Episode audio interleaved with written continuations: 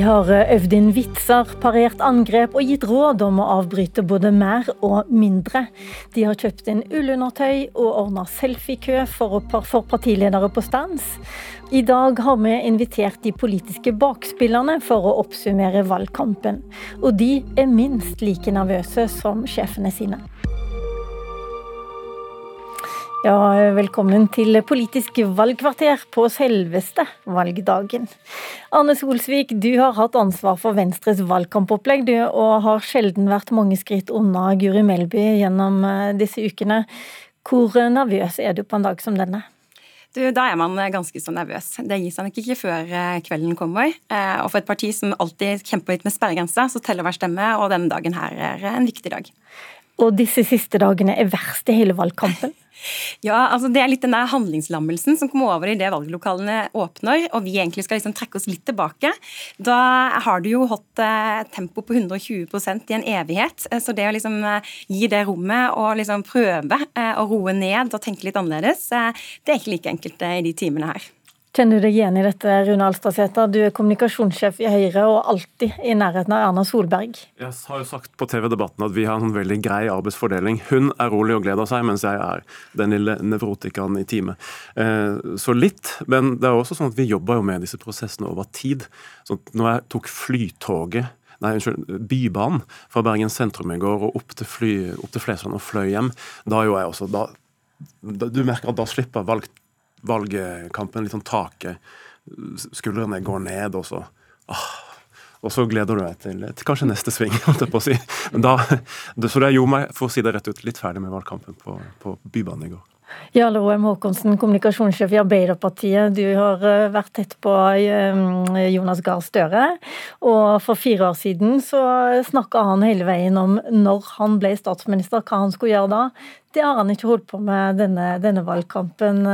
Men jeg antar dere er omtrent like nervøse nå som da? Ja, det er vi. Eh, det er, eh, det er sånn som de andre sier her, den avmaktsfølelsen som kommer nå i dag, eh, den er liksom kontrast til all den iveren vi har hatt hver dag for å få hver stemme. Men det er klart i dag så er det også mulig å, å snakke litt politikk her og der. Så det er mange Arbeiderpartifolk som også er ute som veivisere og viser folk inn til, til valglokaler på en diskré måte. Så fortsatt er det litt igjen, men nå er det meste gjort og nervene kommer, ja. Siri Gjørts, eh, kommunikasjonssjef i SV, du fortalte meg at det beste øyeblikket gjennom hele valgkampen for SV, det var faktisk i Arendal. Eh, fortell om det. Ja, det var vel mest det at vi da var sånn ordentlig i gang med partilederdebatten, og at vi eh, liksom ja, litt, litt, for mye av tida gikk med på til forberedelsene til å finne ullundertøy som var hvitt og kunne ha under, og det var liksom helt sånn, så det var liksom, du ble bundet litt opp i det. og så tror jeg vi, jeg ble også veldig nervøs under debatten pga. den første duellen mot Trygve, der han, eh, Audun og Trygve skulle diskutere nullutslippsbiler, der tonen ble veldig annerledes enn det vi hadde sett for oss. Du kan bare stoppe litt, så skal vi høre litt på det, faktisk. Ja. Men så er det sånn der, moralisme bedrevitende, og det hjelper de rikeste. Audun, og det må du slutte med. Vet du hva, Alle de ordene der kan du, kan du holde for deg sjøl. Jeg prøvde å si, fortelle i stad om Gunnar Knutsen, ja, som har lyst til å investere i Kan jeg fortelle om det? Han har lyst til å investere i biogasslastebiler. Politi, skole, helse får flate kutt. Det hemmer også vekstevnen i vår økonomi. Formuesskattekuttene øker forskjellene og er en dårlig politikk. Jeg beklager, Erna Solberg. flere ansatte i politiet, så vi har ikke kuttet på det. Tusen takk skal dere ha, begge to. Ja, det var utdrag fra noen av disse partilederdebattene, og det var vel gode og ikke fullt så gode øyeblikk. Hva skal vi komme tilbake igjen til? Men eh, Siri Gjørts, eh, du var veldig fornøyd med Arendal? Jeg var fornøyd fordi eh, det gikk til tross for dette. Da er det jo litt sånn, Man blir jo litt kasta ut av den rytmen og den planene man har for en debatt, og at eh, Audun da eh, klarte å bare koste det av seg og gå videre og fullføre, og fikk veldig gode karakterer, eller terningkast. Ja. Så er ikke terningkastet all verden, men det har noe å si for alle folka der ute at man gjør det bra. Fordi da blir stemninga så utrolig mye mer positiv enn hvis man får sånn midt på treet, eller altså, Så det har, det har, det har, disse debattene har veldig mye å si for for den type mobilisering rundt omkring i landet. Da, og da, når, da ble jeg veldig letta når vi, når vi fikk gjorde det såpass bra. Gjøkur-debatt debatt, eh, sier Jonas Gahr Støre. Jarle Åem Håkonsen, hva ja, mener han med det? Sa det, i hvert fall. det var en gang jeg fikk kjeft av han uh, da, i en debatt jeg hadde ledet uh, da jeg jobbet her, uh, som han kalte for gjøkurdebatt. Og det mente han med det var, Så det var jo mer enn fire år siden, kanskje seks eller åtte år siden. og det han mente med det, var at politikerne må stikke hodet fram, si veldig fort hva de skal ha å si, og så ta hodet tilbake før det blir kuttet av. som en gjøkurdebatt. Og det var jo kanskje sånn det var litt før. Vi hørte litt av gjøkuret i det kuttet du hadde nå, med at det var litt mye kakling. Det fikk jo Uh, sin sånn pendelsvingning tilbake til debatter som ble mye ryddigere og, og finere i andre kanaler denne uh, gangen. Uh, og også, vi snakker om Jonas, så har han uh, slutta å uh, gjøke, holdt jeg på å si. han har jo ikke vært uh, så opptatt av denne gangen. Pga. tryggheten for politikken og, og prosjektet, faktisk, tror jeg. så det kommer ikke fra noe annet enn det. Men liksom når du vet hvor du vil, vet hva du skal, vet som er prosjektet, og prater bare det, okay. så hjelper det. Jeg, jeg har egentlig, Vi har jo ikke lov å snakke om noe særlig politikk, og i hvert fall ikke noe som kan påvirke velgerne på en morgen som dette. Så, men jeg må advare av og til mot litt snikreklame fra politiske politiske rådgivere her. Men Anne Solsvik, eh, det verste øyeblikket i valgkampen fortalte du meg i går, det var kanskje TV 2s partilederdebatt som vi hørte eh, Guri Melby skrike litt gjennom i det klippet her. Ja, altså det har vært et par sånne litt sånn kjipe øyeblikk, eh, både for min egen del, men òg litt sånn som ja, når du får en sånn type debatt som det. Og, og den der kaklinga som oppsto i den debatten der, og det at man blir litt sånn eksempler som dras frem for det, det er litt sånn OK, en partileder skal jo på en måte bare eh, riste det av seg og gå videre. Mens vi som er rundt, vi må på en måte jobbe litt med hvordan tar vi dette videre, hva gjør vi nå? Og, og ikke minst det at du fikk den pendelen nå, med at eh, man fikk rydda litt opp i, i, strukturen i debattene i etterkant, eh, var jo til, til stor hjelp. Og eh, samtidig så Altså, vi sitter jo og bruker veldig mye tid i forberedelse til debattene, både pga. tema, eh, retorikk, eh, hvordan man skal være, og hvordan du skal få fram den politikeren sånn som den politikeren er, som er en kjempeviktig del av, av det hele tatt å ha den appellen og, og nå ut. Og, og den debatten eh, ble jo kanskje også et ganske sånn stort brudd med hvordan Guri ofte oppfattes som ganske nedpå og sindig, rolig type som har stått nå og forklart mye under en koronapandemi, og, og så plutselig så står hun der og, og prøver liksom, liksom, i denne litt sånn jagete debatten. da.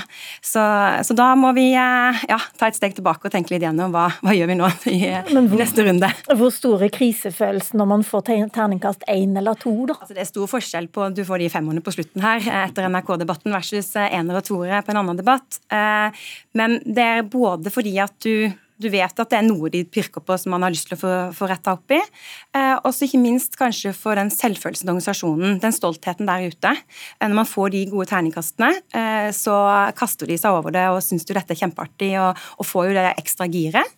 Eh, men samtidig kan du av og til òg få liksom, dårlig terningkast, og du får den der oppslutningen rundt at eh, ja, men jeg støtter min, min, partileder, eller jeg støtter mitt parti, og dette skal vi stå i sammen. Som er en litt annen dynamikk, men som òg er veldig verdt det, da. Eh, I hvert fall for et parti som Venstre som nå har veldig god lagbygging og, og god steam i, i valgkampen. Ok, Da begynte vi på snikreklamen der også. Eh, Rune Halstadsæter, er det for mange partilederdebatter? Eh, jeg syns det. Eh, det er viktig at vi stiller opp til, til debatter. Det skal også en statsminister selvfølgelig gjøre. Men det er klart, TV-seingen har stupt. TV-mediet når knapt folk under 60 år. Likevel så er valgkampene bundet opp for vår del i partilederdebatter og statsministerdebatter som gjør at du må organisere hver uke etter dem. Og det er tid som vi nok heller skulle brukt til å reise rundt på andre ting for å nå andre velgergrupper. Eh, og drive valgkampen litt annerledes. Og I den forstand at du, du, blir bundet hvor du skal være, hvor du skal, og det tar litt tid å reise hit og dit og forberede seg, så, det, så er fortsatt TV-valgkampen 2021 synes jeg fortsatt er bundet opp i et, et gammelt medium og burde blitt brukt annerledes. Håkonsen? Det er jeg ikke enig i. Jeg synes eh, det er eh, jo fire debatter. Det har alltid vært liksom to på NRK, to på TV 2. Eh, jeg tror man når mange folk fortsatt på det, og viktige velgergrupper som i alle fall mellom klokka halv ti og halv elleve på kvelden ikke er noe annet sted å møte. Eh, men jeg er enig i eh, det Rune sier om at det er mye eh, andre debatter og så videre som, som binder opp tid men for statsminister og statsministerkandidater. Men jeg føler at den eh, omreisningen gjør jo at du tross alt får se Arendal, Bodø, Bergen, eh, får, får reist rundt. Så, så jeg, og jeg ser også at seertallene er eh, sånn eh, altså TV 2 snakker om en 300 000-400 000. NRK har ikke sett det ennå, men sikkert rundt det doble. Så det er jo noen velgere. Mm, jeg tror du ligger litt eh, høyere enn en de reelle seertallene her nå. jeg tror det er snakk om 200 000 og 500 000. Sånn ja, på det eh, laveste, Men husk at vi, Du har rett at jeg kun har fire partilederdebatter, men hvis du tar dueller, altså statsministerduell i tillegg, så har vi åtte til ti gjennom valgkampen de fire-fem ukene som, som, vi organiserer hverdagen vår. vår Mm. Ja, nei, jeg er litt enig i Rune at det er veldig mye som vi ikke bestemmer sjøl, som blir uh, av valgkampen som blir bundet opp til at vi må være visse steder på, uh, på ethvert tidspunkt. Uh, også partilederutspørringene der du må være i Oslo den dagen når vi helst skulle vært ute og reist og sånn. Men, altså, men jeg er jo veldig glad i Jeg, liksom, jeg syns ikke så veldig synd på at dere ble bomma opp, på en måte. Hva er problemet for velgerne? Mm. Men jeg syns det er veldig viktig. Altså, det var poenget. Jeg, synes, jeg, jeg tror det Jeg syns ikke det er for mange partilederdebatter. Jeg syns absolutt at det bør bør være såpass.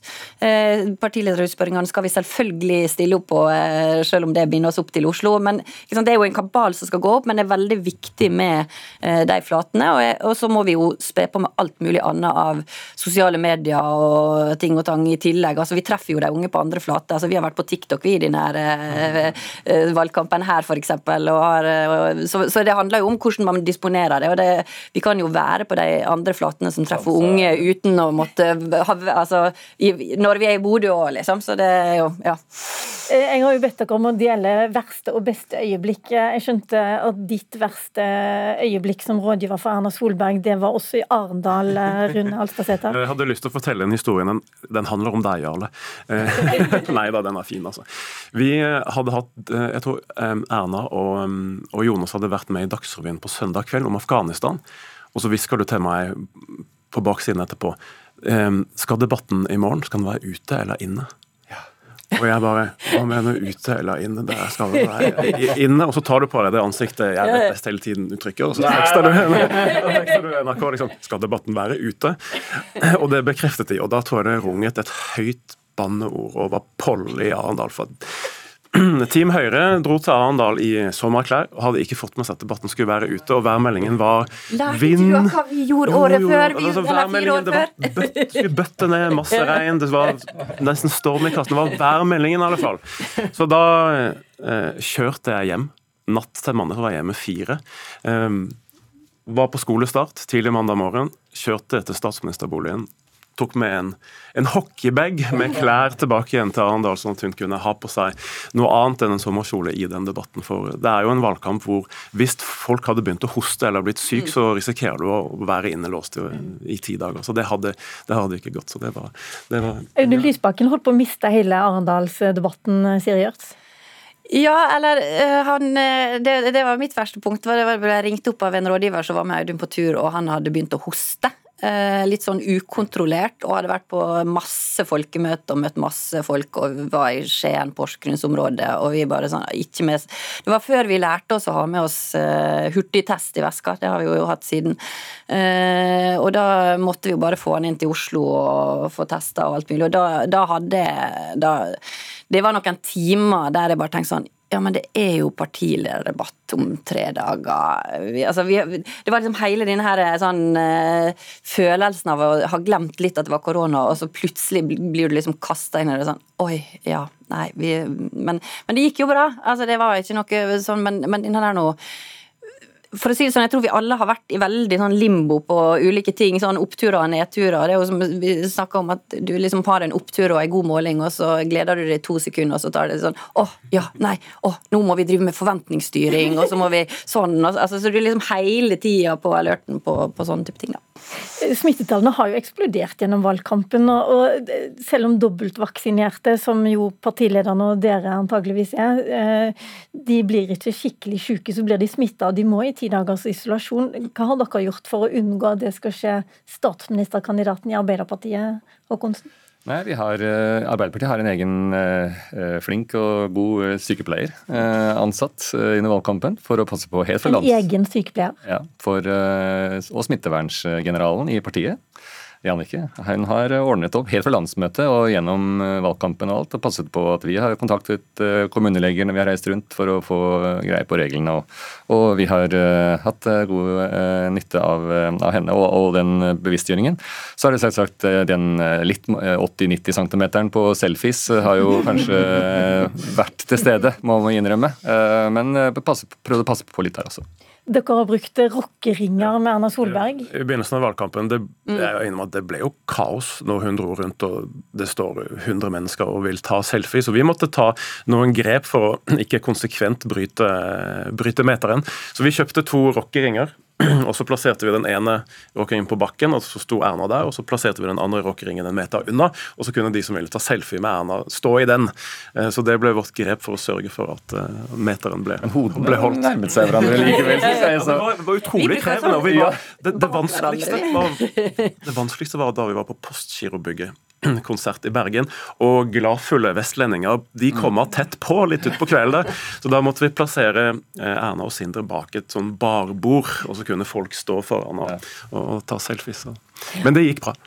Anne Solsvik, har du lignende koronahistorier? Du, altså, jeg, ikke noe sånn veldig konkret ut at jeg kjenner veldig godt igjen dette selfie-jaget. Eh, og det derre at du har gått der nå eh, i en evighet, eh, nesten ikke truffet folk, eh, du har hatt pleksiglass på møter, munnbind og hele pakka, og så kommer du ut, og så er det den opplevelsen at veldig få eh, føler egentlig like sterkt på den pandemien. Eh, og du må stå der og passe på i alle settinger, om det er skoleelever eller om det er bedriftsbesøk eller hva det enn skal være. Denne riggen hele tiden må være. Det en eh, Ja, det har vært en prøvelse, det òg. Noen valgkamper er sånn gullvalgkamper der alt man sier som partileder, det blir, det blir, brukt som gull. Det høres veldig klokt og fornuftig ut, har Erik Solheim bl.a. beskrevet. Andre valgkamper er som gråstein, der alt man sier høres litt sånn teit ut. Eh, dere har kanskje vært med på noe av det, flere av dere. Eh, hvordan oppleves det? Ja, nå må jeg bare se hvem som kan ha opplevd det. Siri Gjørts, eh, SV har vært borti noen sånne? Ja, altså jeg begynte jo i 2014. Så akkurat 2013-valgkampen, som vel var den verste for SV, tror jeg, var, hadde jo ikke Men 2015, det var jo kommunevalgkamp, og det var ganske tungt, altså. For da tror jeg vi lå på, på ja, totallet, altså to sju eller et eller annet sånt ved inngangen, og vi var avskrevet ganske bra av særlig kommentatorer om at nå var det liksom, vi lå på sotteseng, liksom. Eh, virkelig. Eh, og da å liksom drive valgkamp i den når du liksom får den ene litt dårlige meningsmålinga. Men det var i forkant, da. Men så, så begynte jo sånn i oppspurten, altså de siste Altså etter sommeren og så, så gikk det jo bedre, da. Men vi endte jo opp på 4,1 det samme som vi hadde i stortingsvalget etterpå. og da det er tungt, men det er sånn nå, denne gangen så blir, føler jeg at liksom, når det går bra, så blir liksom ting som er tilfeldig, og du har flaks geniforklart, liksom. Eh, selv du vet sånn ja, Hvis dette hadde skjedd når vi lå dårlig an, så hadde det kanskje blitt tolka på en helt annen måte av mediene og kommentatorene.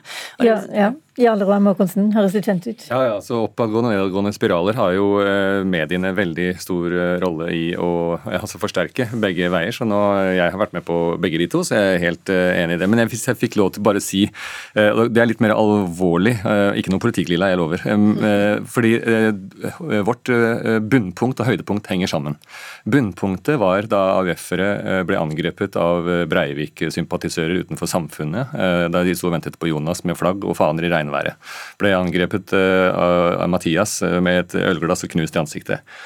Toppunktet henger sammen litt med det, syns jeg. da eh, NRK avsluttet debatten på fredag med en hyllest til samtlige politikere, som altså ble avbrutt av trampeklapp i stormen i Bodø, eh, som jeg syns var veldig flott. Og som jeg eh, føler liksom er den eh, biten med, med, Norge som vi er glad i på en sånn dag som dette, med at politikere står sammen.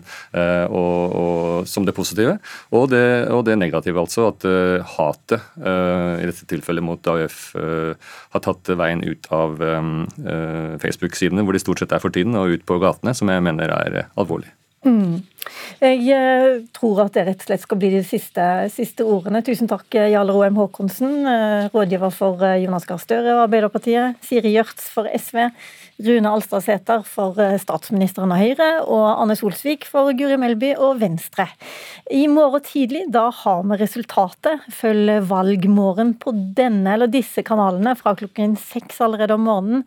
Og det blir to politiske kvarter med både vinnere og tapere. Frank Aarebrot sa en gang at hvis du dropper å stemme, så har du egentlig gitt en halv stemme til partiet du liker minst. Tenk på den, uansett hvor du lander. Godt valg.